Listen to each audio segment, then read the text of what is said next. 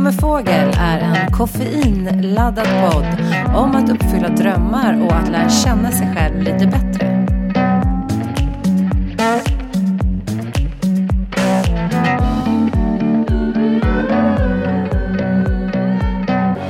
Ja, men då kör vi! Hej och varmt, varmt välkomna till en kaffe med fågel. Idag kommer jag prata en del om mod och rädslor och tankar som kan begränsa oss från att göra precis allt det där vi vill göra. Eller vara de vi vill vara.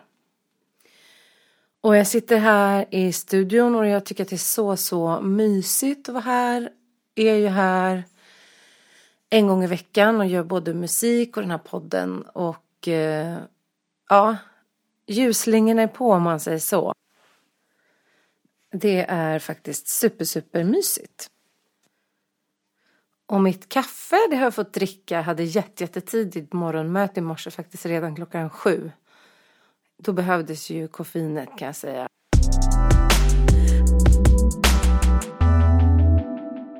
Annars då, när jag spelar in det här så har jag haft en vecka då jag har jobbat ganska mycket, hållit i kurser och jag har föreläst i mindfulness och det är verkligen så otroligt fint att hålla de här kurserna och föreläsningarna. Så många eh, fina samtal om livet, om närvaro, om mål.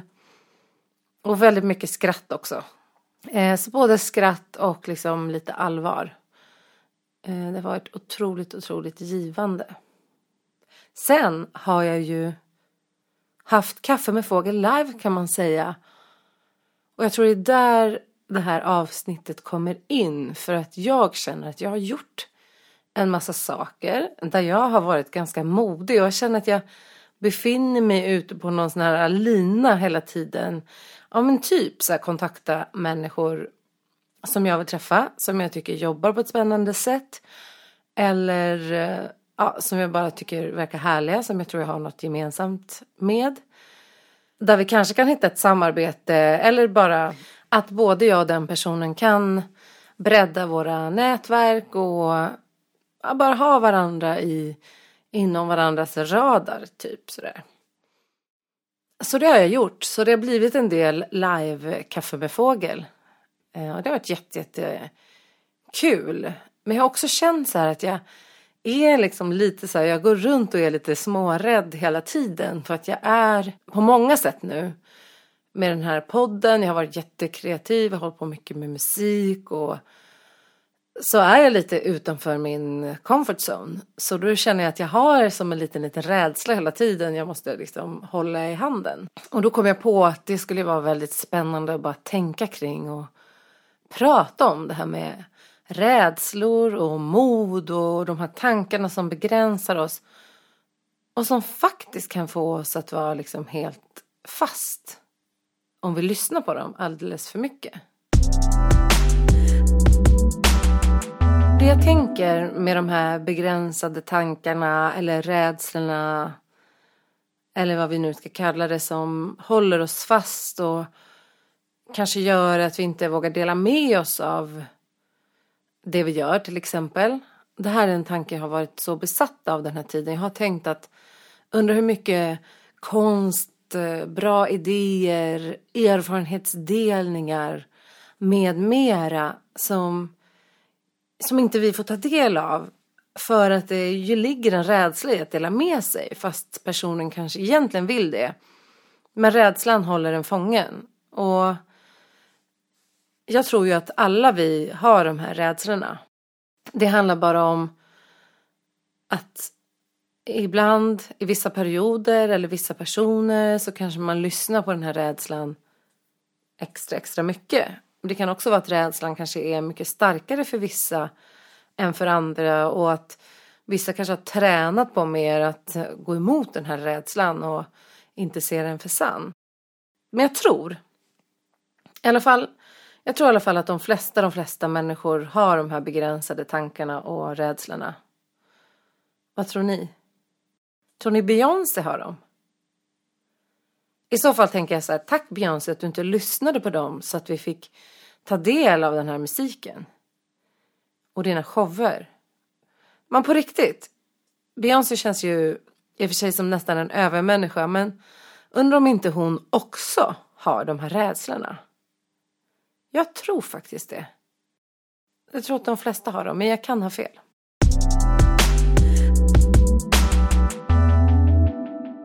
Ja, men om vi utgår från att i alla fall kanske de flesta människor Okej, okay, vi får se med Beyoncé, men de flesta människorna har rädslor.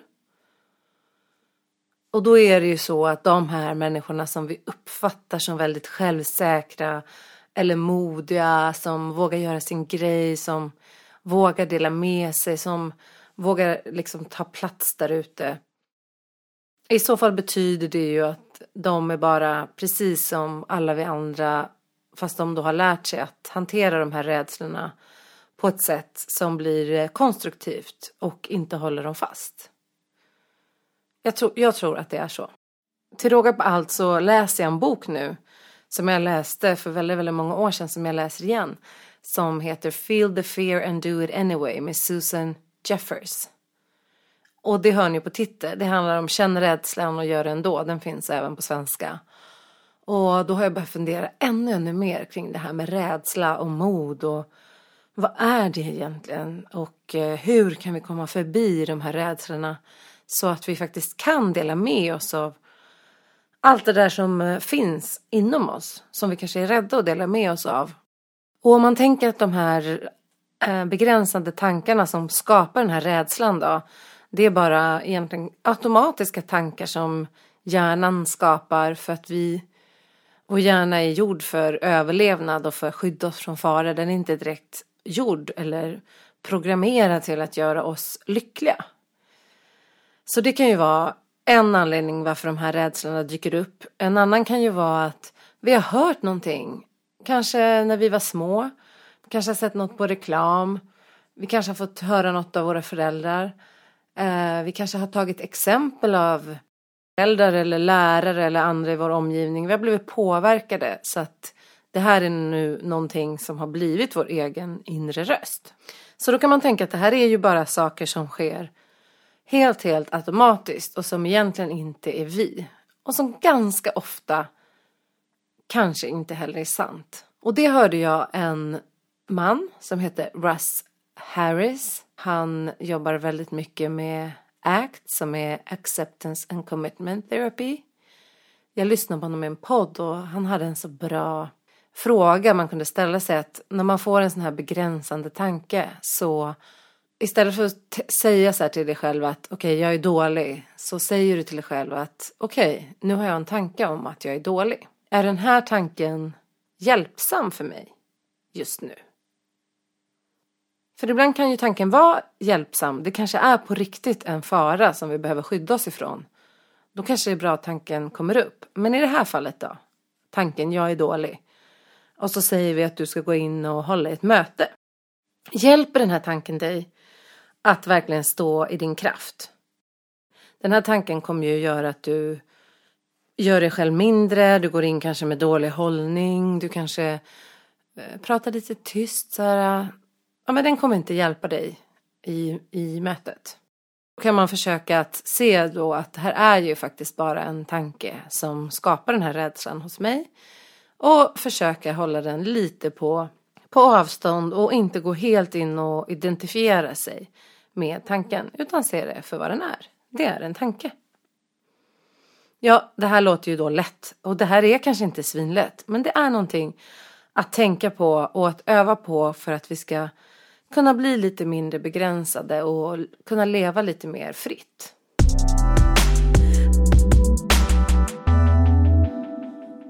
Och de här automatiska tankarna kan ju låta som att du är dålig, du är för gammal, du är för ung.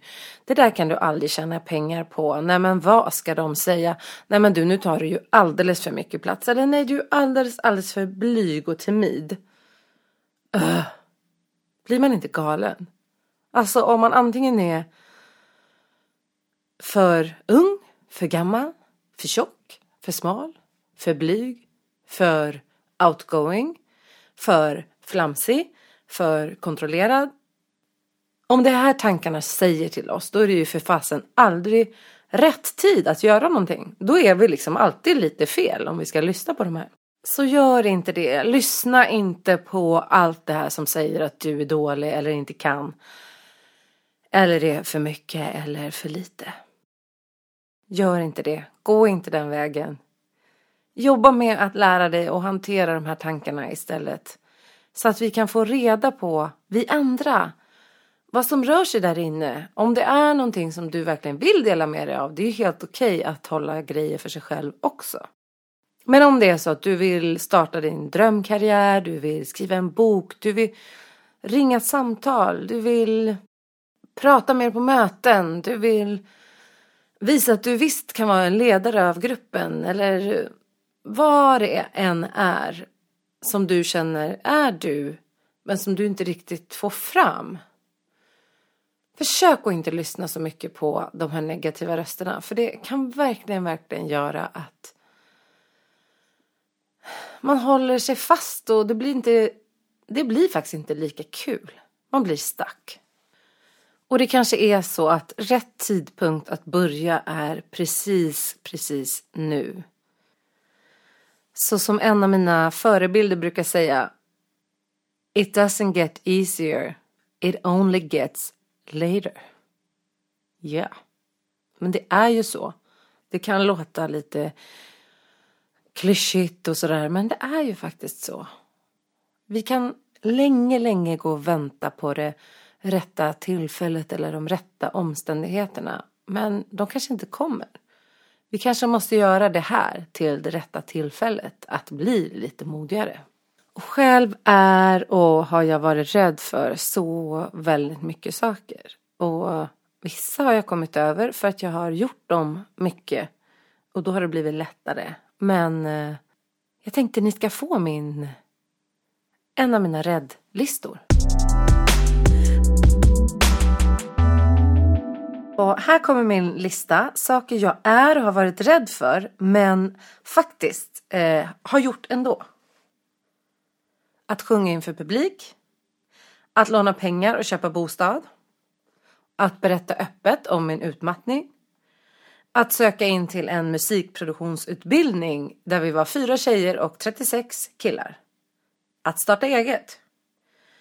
Att fråga människor jag inte känner om vi kan ta ett möte. Att starta en podd. Att blogga. Att be om hjälp. Att släppa musik. Att gifta mig. Att hålla tal. Att säga jag älskar dig först. Att föda barn. Att flyga. Ja, men som ni hör så är det många, många saker som jag har varit rädd för som jag har gjort. Och det kluriga är att det kommer nya saker eh, när man utvecklas. Så som jag sa innan så jag är lite på en plats där jag gör ganska mycket som jag är rädd för och jag känner som att då är jag lite Ja, jag går runt och är lite rädd hela, hela tiden. Ja, jag är rädd hela tiden. Men jag håller den här lilla rädslan i handen och tar mig framåt. Jag kan också se att anledningen till varför jag har varit väldigt rädd för vissa av de här sakerna är antingen en rädsla att bli avvisad eller liksom bortstött på något sätt.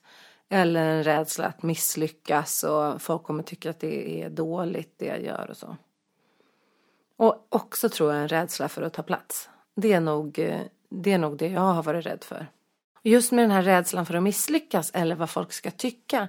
Där tror jag vi har så himla, himla mycket att lära oss.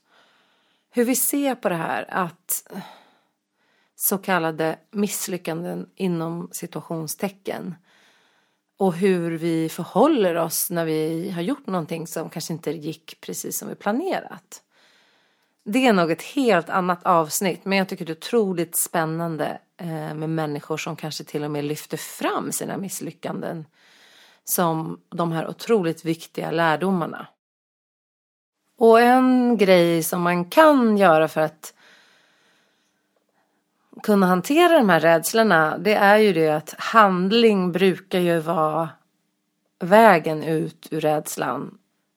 Och kanske börja med små, små steg att utmana sig själv och göra det där man är lite rädd för. Och när man har gjort det några gånger så brukar det ju kännas lite lättare.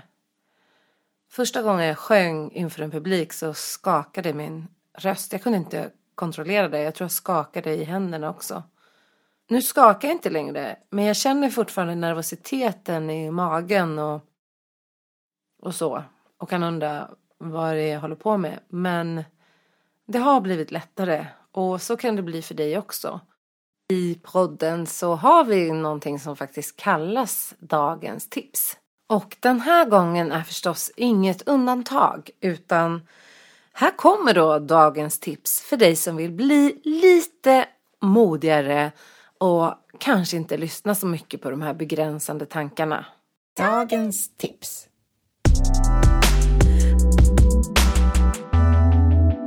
Så. Nummer ett. Om du känner den här rädslan i kroppen så kan du faktiskt börja med att försöka hitta en fysisk plats var du känner den här rädslan. Du kan sätta dig ner på en stol eller stå och andas och fråga dig själv, sitter rädslan kanske någonstans i kroppen? Känner du den i magen? Känner du den i bröstet? Och så kan du prova att andas in lite och se om du kan få den att släppa greppet om dig lite, lite grann. Och nummer två. Vilka tankar var det som ledde till att du kände den här rädslan inför den här uppgiften som du står inför? Försök att identifiera de tankarna. Nummer tre. När du har identifierat tankarna så kanske du ska ge dem ett namn. Typ Chatterklubben. Tjatgnatarna. Orostrollet. Neggiga Nils. Förlåt, Nils. Ja, men sådär. Ge den ett namn så kan du säga nästa gång den dyker upp. Hej, Neggiga Nils. Hej, Orostrollet. Kul att du hälsar på. Men just nu är du inte hjälpsam för mig. Så jag kommer hålla dig lite på distans och gå framåt i alla fall. 4. Fokusera på vinsterna. Om du nu skulle göra det här lite modiga, vad kan du vinna på det? Varför vill du göra det? Vad finns där på andra sidan? Vad är det som glimmar på andra sidan? Skriv ner de vinsterna så att du får igång din motivation till att göra det.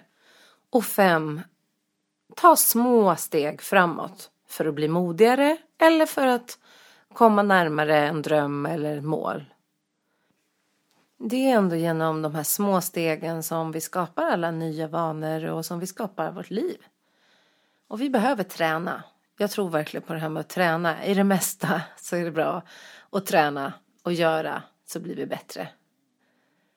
Jag vill också passa på att säga att när jag pratar om rädslor och begränsade tankar så pratar jag utifrån det som de flesta av oss har. Eh, det är ju såklart en helt annan skillnad om man verkligen har en rädsla som är omöjlig att ta sig ur eller om man har panikångest eller sådana saker. Så jag vill bara vara väldigt tydlig med det. Jag vet att eh, när det är tufft så är det väldigt, väldigt tufft. Men det här handlar då mer om de här begränsade tankarna som de flesta av oss har som kan tendera att vara som en liten inre kritiker som sitter på vår axel och säger att vi inte är bra nog. Men det jag vill skicka med innan jag avslutar för idag det är att säga till dig att du behövs där ute. Du har någonting som bara du har och vi behöver din kreativitet, vi behöver dina idéer, vi behöver eh, dina erfarenheter. Och du kanske tänker att någon har gjort precis samma sak som det du vill göra förut men ingen, ingen har gjort det på exakt det sättet som är du. Ingen har berättat exakt din historia. Och det är så underbart när vi delar med oss, om du nu vill dela med dig, för det är inget tvång. Men om du känner att du har något du vill dela med dig av så tänk då, tänk om, om bara en person kan få nytta av det här. Eller kanske tusen. Eller 20 000. Vem vet? Men jag tycker det är härligt när vi delar med oss av våra erfarenheter och historier och saker får ett annat liv när vi släpper ifrån oss dem. Det kan vara lite läskigt. I know.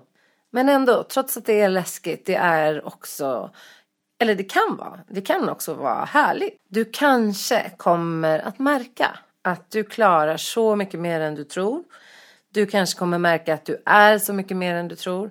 Du kanske kommer märka att du har så mycket mer att ge än vad du tror. Så om du har en väldigt eh, kritisk inre röst som säger att du inte är bra nog. Försök att sätta den på paus lite grann. Livet är ändå för kort för att vi ska gå och tycka att eh, vi inte är bra nog. Det tycker i alla fall jag. Så försök pausa rösten och gå ut där och bara vara helt grym som bara du kan vara. Och det här avsnittet börjar faktiskt lida mot sitt slut. Så jag vill passa på att tacka alla er som har lyssnat. Stort tack för att ni lyssnar på den här podden. Det gör ju i alla fall mig jätte, jätteglad. Så det ska ni veta. Jag är glad för varenda en som lyssnar. Så tack så otroligt mycket för det. Och jag är snart tillbaks igen från det här mysiga rummet i Bagarmossen. Och tills dess, ha det superbra. Ha en jättebra vecka. Hej då, vi hörs.